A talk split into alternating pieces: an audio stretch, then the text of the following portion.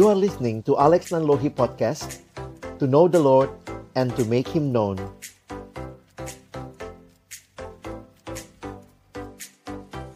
Kadang-kadang kita menggunakan kata maaf hanya untuk mengalah sajalah. Saya nggak mau perpanjang Hmm. deh, sudah deh. Ya udah Iya pak, kan? aku minta maaf. Tapi papa ya kayak gitu sih. Nah, biasanya juga kayak gitu ya, Mr. Alex. Orang ini salah, jelas, tapi sulit sekali minta maaf.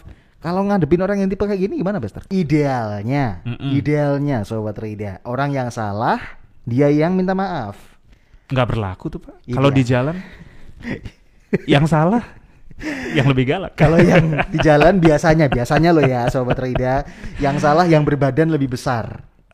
Biasanya gitu. Kalau di jalan ya, Bapak sering salah ya. berbadan lebih besar tuh bukan badan orang, maksudnya badan kendaraan biasanya. Oh iya iya iya iya. biasanya iya, kan iya. nggak semua. Mm-mm, mm-mm. Harusnya sih yang salah yang minta maaf.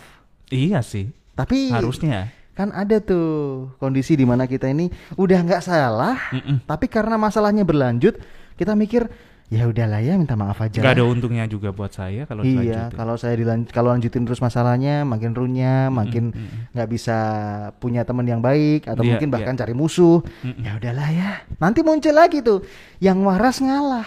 Yang waras ngalah. Berarti yang nggak nggak minta maaf? Nggak waras.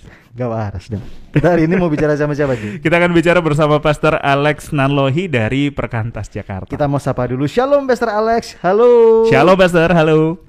Shalom, selamat ketemu lagi dengan Yes. Pak Nathan, Pak Jo, dan juga Sobat Bahtera Yuda. Terima Wow. kasih sudah join hari ini. Saya Ya, sama-sama. eh, termasuk eh, orang yang paling sering berselancar di dunia maya. Mm-mm. Instagram, entah itu TikTok, gitu kan? Ya. Selalu ketemu postingannya Pastor Alex yang memberkati. Wah, benar. Itu Pak. itu Terima berarti kasih. Pastor Alex buat saya ya sukses untuk memfungsikan sosial media itu benar dengan baik. Benar. Karena ketangkep terus tuh Iya. uh, postingannya Pastor Alex ada di sini, ada di sini gitu ya. Dan semoga boleh Itu jadi strateginya gimana Pastor? Posting setiap berapa hari? jam berapa aja nih posting? Konsisten aja setiap hari supaya Kuncinya ada konsisten, sesuatu yang benar, bisa benar. dibagi. bener Iya, bener iya, bener bener. iya. Sampai saya kira Pastor Alex kayaknya punya tim sosial media nih.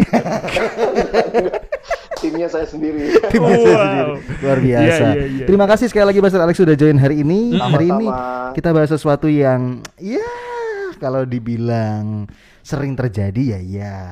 Bukan cuma di jalan Jo, Dia- di rumah tangga juga iya. Bisa jadi. Siapa yang sering minta maaf? kalau saya pria, kalau saya ya.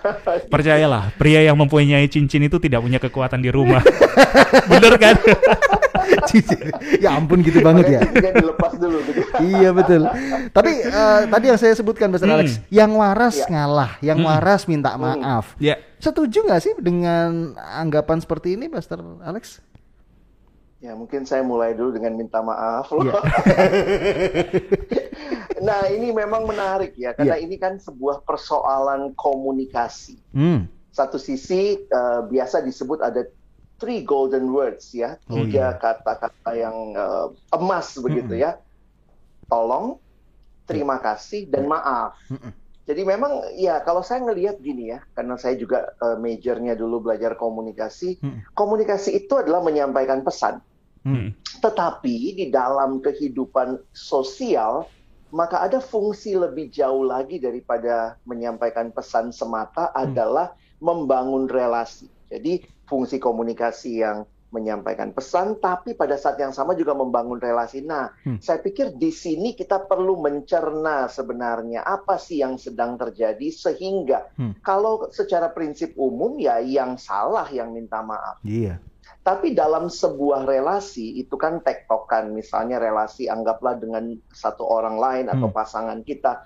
Poinnya sebenarnya begini, jangan-jangan kita merasa kita nggak salah, tapi dia merasa kita salah. Uh. Hmm. Sehingga bisa jadi dia menuntut kita minta maaf. Hmm. Sementara kita karena nggak ngerasa salah, kenapa saya harus minta maaf? Hmm. Nah, karena itu bagi saya kata maaf itu harus dicerna lebih jauh. Ya. Ketika kita sedang membangun relasi, kita duduk perkaranya dulu seperti apa. Hmm. Lalu kemudian misalnya seperti apa nanti waktu kita menyampaikan pesan itu. Karena saya ketemu dengan orang yang misalnya merasa nggak salah, Hmm. dibecandain ya namanya kita teman kerja, rekan gitu. Tapi bercanda itu kadang-kadang yang satu tuh tersinggung gitu. Biasanya misalnya hari hari lain ba- baik-baik aja celah-celahan badan kayak gitu ya, celah-celahan fisik. Tapi pas hari itu dia lagi sensi gitu ya. Hmm. Sehingga waktu itu kita ngerasa nggak salah. Aku cuman bercanda, cuman dia ngerasanya ini udah keterlaluan gitu. Oh. Sehingga saya selalu ingat prinsip ini ya. Kalau bercanda itu harus dua-duanya ketawa.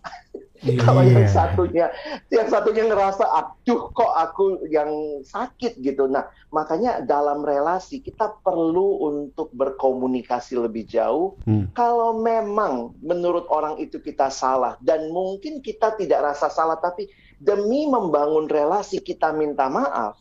Bagi saya itu sebuah ya keberanian ya untuk juga melihat masalah lebih clear. Mm. Oke. Nah, cuma kalau di jalan saya agak bingung memang ya. Kalau di jalan itu antara minta maaf atau ngalah. Itu saya pikir dua hal yang berbeda. Iya. Jadi Iya. kadang-kadang kita menggunakan kata maaf hanya untuk mengalah sajalah. Saya nggak mau perpanjang Hmm. deh, sudah deh. Yang berbadan besar kata Bapak tadi, Pak Nathan selalu Mobilnya itu yang salah gitu ya. Iya. Eh, mobil nyenggol motor, padahal motornya yang duluan ny- nyalip Iya. begitu tetap Mm-mm. aja pasti mobil yang salah. Iya, Kesannya iya, iya. seperti itu. Mm-mm. Rating Jadi kanan memang belok ini kiri. ya mesti Benar. mesti perhatikan Iya. konteksnya apa sehingga ya waktu kita minta maaf sebenarnya kita lagi mau apa nih? Apa yang sedang kita rindukan misalnya. Oke, oke, oke. Berarti moti eh, ini saya perjelas lagi nih, Pastor. Kalau motifnya minta maaf hanya untuk ngalah, apakah itu eh, Hmm. harusnya boleh? Maksudnya ya udah deh nggak apa-apa daripada masalahnya makin lebar atau sebaliknya malah ya kita harus telusuri siapa yang salah atau gimana, Pastor? Kalau ngalah sama diem sama minta maaf, saya pikir itu tahapannya juga beda ya. Hmm. Jadi bisa jadi saya sadar saya nggak salah. Iya. Oke. Orang itu yang salah, tapi saya ngalah. Ngalah itu saya nggak minta maaf, belum tentu harus minta maaf. Ah. Saya ngalah aja waktu dimaki-maki, mungkin saya diem, saya cuman ngangguk saja. Itu kan bukan berarti saya juga mengatakan saya salah Hmm. dan eh, atau saya harus saya minta maaf. Jadi saya pikir sih dalam berelasi itu tuh ada seninya ya. Iya. Hmm. benar. Jadi kalau memang tidak rasa salah tapi ingin mengalah, maka tidak usah minta maaf, tapi Wow. diam saja. Itu di Amsal juga ada ya, maksudnya dalam diam itu eh, siapa menjaga mulutnya Iya. memelihara nyawanya. Jadi kadang-kadang ya kalau nggak jawaban yang lemah lembut meredakan kegeraman. Jadi saya beberapa kali dalam situasi yang sulit seperti itu, misalnya di Hmm. jalan gitu ya, Hmm. cuman bilang oke baik. J- Jadi kita terima aja dulu marahnya dia, Hmm. oke. Tapi Hmm. kita nggak mengatakan minta maaf nanti mungkin waktu situasinya lebih lebih kondusif Hmm. kita bisa jelaskan gitu. Oh. Tapi ada yang minta maaf model seperti itu Mm-mm. saya pikir juga ini loh, hati-hati kita jadi kayak kebablasan banyak menggunakan kata-kata yang kita nggak benar-benar me, apa ya menghayatinya. Iya. Hmm, Baik. hmm, hmm. Baik. Nah jadi kayak cuman ini aja ya, itu biasa kalau di rumah tangga Hmm. kali yang pakai cincin tadi ya. ya udah deh daripada panjang bilang aja maaf. Kayaknya kalau maaf tuh selesai. Hmm, hmm. Iya. Tapi bagi saya itu dalam uh, uh, conflict management uh, marriage uh, konflik begitu, saya pikir bukan harus dibicarakan kemudian. Mm-mm. Hmm. Mm. Jadi Betul. uh, jangan juga jadi orang yang terbiasa. Ada juga sih ya kayak Iya. apa-apa ngomong ya maaf ya Pak, maaf ya Pak ini nggak salah tapi ngomong ngomong aja maaf gitu ya. Jadi itu jadi bablas kata-katanya jadi useless. Gitu. Iya iya iya. Baik baik. Jadi eh, yang saya tangkap nih ya penjelasannya Pastor Alex adalah sering kali kita ini menggunakan kata maaf supaya wes sedang beres sedang beres. gitu. Iya, iya. Padahal kita nggak benar-benar merenungkan betul nih, Mm, mm, nggak mm, benar-benar memaknai kalau kita memang mungkin kita salah gitu Mm. ya. Apalagi ada satu kalimat lagi nih, kalau aku salah aku minta maaf. Berarti kan dia merasa sebenarnya loh ya. Sebenarnya dia nggak salah kan? Kan kalau aku salah, Iya, iya. iya kan? Orang Bisa kalau di minta tangga ya Pak ya. Iya bener. Kalau orang yang minta maaf sungguh-sungguh nih Sobat Tri Saya sadar saya salah. Saya minta maaf Gitu kan Tapi yang ini Kalau Iya. aku salah gitu Kalau aku salah katanya Ya udah Iya Pak, kan? aku minta maaf. Tapi Papa ya kayak gitu sih. Nah biasanya juga kayak gitu ya Mr. Alex ya Iya kan? Pengalaman pribadi ya Pak. Enggak ya, enggak ya. Tapi kalau eh, efek sampingnya apa, Pastor? Kalau misalnya orang yang terlalu sering minta maaf, apakah dianggap remeh sama orang lain atau mungkin kayak gimana, Pastor? Iya Efeknya? Saya pikir sih efeknya pasti ada ya. Contohnya orang yang terbiasa menggunakan maaf tanpa konteks, apa pun maaf, apa pun maaf gitu. Jadi waktu dia ngomong maaf beneran, orang udah pikir ah memang kamu ngomongnya maaf melulu begitu. Sebenarnya ini jadi kayak ini ya, kita tuh dibesarkan dalam uh, culture yang kata-kata itu sangat bombastis tapi kadang-kadang meaningless. Oh. Ya sama lah di gereja juga kadang-kadang ditanya apa kabar harus jawabnya luar biasa.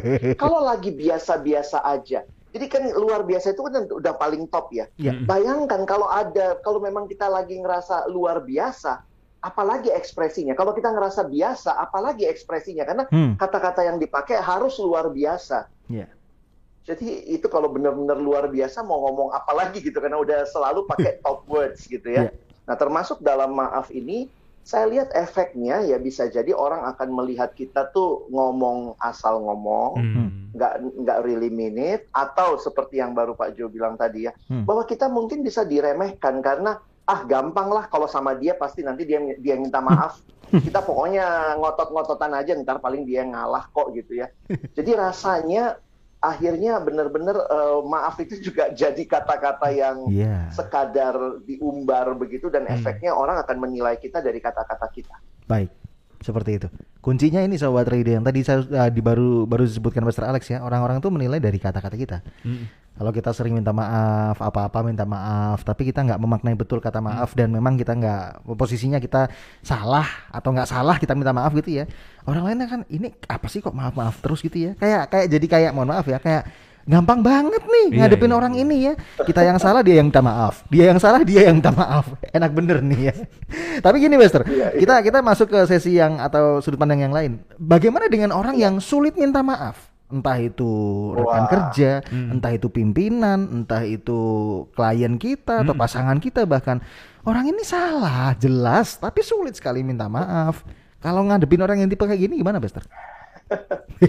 Kadang-kadang dalam posisi juga agak ya sa- sadar atau tidak akan menentukan ya. Misalnya kalau dalam posisi pekerjaan, misalnya rule nomor satu bos nggak pernah salah.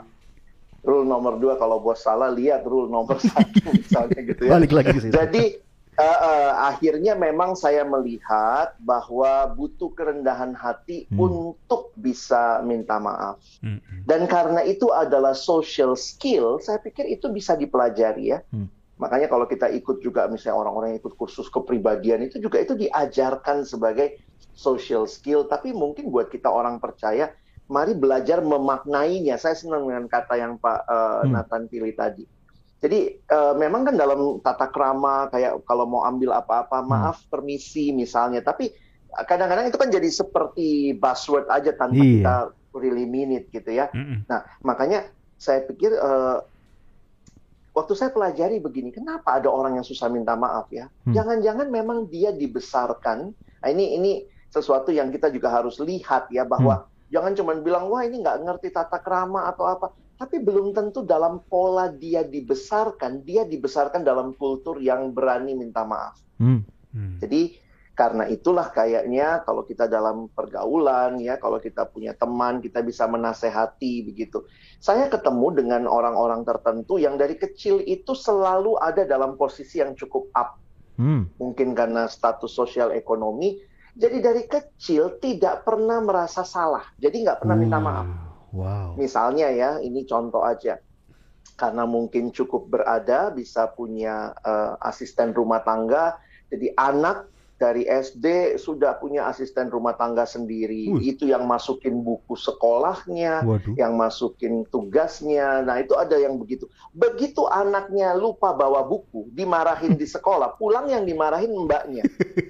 Mbak sih nggak masukin. Jadi anak itu nggak pernah dilihat misalnya diajarin tanggung jawab. Hmm. Kalau kamu nggak bawa, kamu yang masukin supaya kamu tahu. Jadi begitu nggak ketemu pulang mbaknya dimarah-marahin. Uh. Lalu kemudian kalau anak juga masih kecil, saya pikir gini, kalau masih kecil umur eh, berapa ini kalau parenting ya dua tiga tahun, oke lah kalau dia jatuh kadang-kadang kita bercanda, aduh nakal ya meja ya kita pukulin mejanya. Tapi kalau sudah umur tujuh tahun dia jatuh lalu yang kita salahin mejanya, kursinya, akhirnya anak tidak pernah belajar untuk menyadari dia punya tanggung jawab sehingga kalau dia salah dia harus minta maaf. Hmm. Nah, itu banyak kultur seperti itu Iya. dan bayangkan ketika orang seperti ini masuk dalam lingkungan sosial pekerjaan, atau bahkan relasi yang lebih serius. Nah, saya Hmm. pikir nggak masalah nih. Kita harus menolong orang-orang seperti ini untuk berani eh, untuk belajar lah minta Hmm. maaf. Nah, Hmm. itu memang prosesnya bisa cukup panjang sih. Iya. Oke, oke, oke. Apakah Wow. apakah cukup manjur dengan memberikan contoh teladan hidup, Pastor? Misalnya ya, kita punya temen ya, kita akan ngajari dia, tapi secara nggak langsung gitu, kita nggak usah nasihati sih, tapi ada apa-apa, mungkin kita salah, kita tunjukkan Ya. ke dia, Iya. saya minta maaf ya, tapi Benar. dia lihat dan Iya. apakah itu efektif juga, Pastor? Lumayan ya, kayaknya ya. Eh, bagi saya iya itu efektif. Hmm. Cuma memang eh, dalam dalam dalam ilmu behavior ya untuk peng- pengha- Iya apa, perubahan perilaku. Hmm. Teladan saja itu satu satu sisi. Tapi yang kedua yang penting adalah teladan yang direfleksikan, Pak. Oh, oh. Jadi contohnya begini ya. Oke. Contohnya misalnya kita udah kasih teladan nih. Hmm. Wah, kita minta maaf tadi misalnya kita sama teman kita nyetir kalau kemudian ada ini ya kita minta maaf kalau kita salah Hmm. begitu ya. Nah, lalu kemudian sesudah itu kita refleksikan sama dia. Oh. Menurutmu aku tadi benar nggak tindakannya? Kalau kamu di posisi aku, kamu akan seperti apa? Nah, Hmm. itu saya pikir ada refleksi yang menolong dia mikir. Hmm. Karena kalau cuman copying, kalau cuman copy bagi saya itu hanya satu, ya itu proses. Tapi Hmm. mungkin awalnya dia mengcopy. Anak-anak itu seperti itu ya. Ya, Pakai ya. orang tua yang membesarkan anak bisa kemudian bisa mulai dialog gitu ya. Hmm. Misalnya kalau dulu pokoknya ayo minta maaf. Tapi sekarang gini, eh, adik salah apa? Hmm. Hmm, hmm, hmm. Nah, nanti mesti gimana? Jadi akhirnya dia belajar lebih daripada sekadar minta maaf, tapi dia belajar oh minta maaf itu karena ini loh kesalahan saya. Iya, Ternyata iya, orang lain nggak boleh disebut. Nah itu refleksinya itu Iya. yang kadang-kadang kita agak miss itu pak. Hmm, Oke. Baik. Oke. Di situ. Oke. Itu poin pentingnya ya. Mm, mm, mm, Menela- mm. memberi teladan oke, tapi juga memberikan refleksi. Benar, memberikan Iya kan? tuntunan. Benar. Baik, Jadi nggak cuman praktek tapi memberikan alasan kenapa tadi Iya. saya minta maaf, ini alasannya dan semoga dia juga bisa ngerti gitu Tapi ya. kayaknya susah ya ngajarin orang minta maaf yang nggak mau minta maaf itu. masalahnya ya udahlah itu proses ya. biar Proses biar Tuhan yang menjawab. mudah pak, tidak mudah tapi bukan tidak mungkin. Saya Wow. pikir kita ambil yang ini. Betul, setuju. Kita Tidak masih mudah. bicara bersama Master Alex Sobat Rida. Bicara tentang saya nggak salah, tapi saya harus nggak sih minta maaf. Kita sudah ketemu jawabannya ya dan semoga kita jadi pribadi yang bukan gampangan untuk minta maaf, Ya. tapi benar-benar bisa memaknai kata maaf yang kita ucapkan itu benar-benar kita memang merasa salah dan kita pengen mengubah tindakan, sikap atau ucapan kita. Betul. Jangan- Biar lebih mantap lagi mungkin kesimpulan Pastor Alex silakan. Saya nggak bersalah, haruskah saya minta maaf? Silakan. Jadilah pribadi yang benar-benar eh, memikirkan ya setiap bagian termasuk perkataan kita. Yes. Dan buat kita orang percaya, bagi saya menarik sekali kalau perhatikan di dalam Alkitab ada banyak penekanan kepada perkataan. Hmm. Jadi waktu lihat top 10 dosa di perjanjian baru itu banyak kan perkataan hati-hati, perkataan begini, Hmm. kata-kata kosong, kata-kata kotor.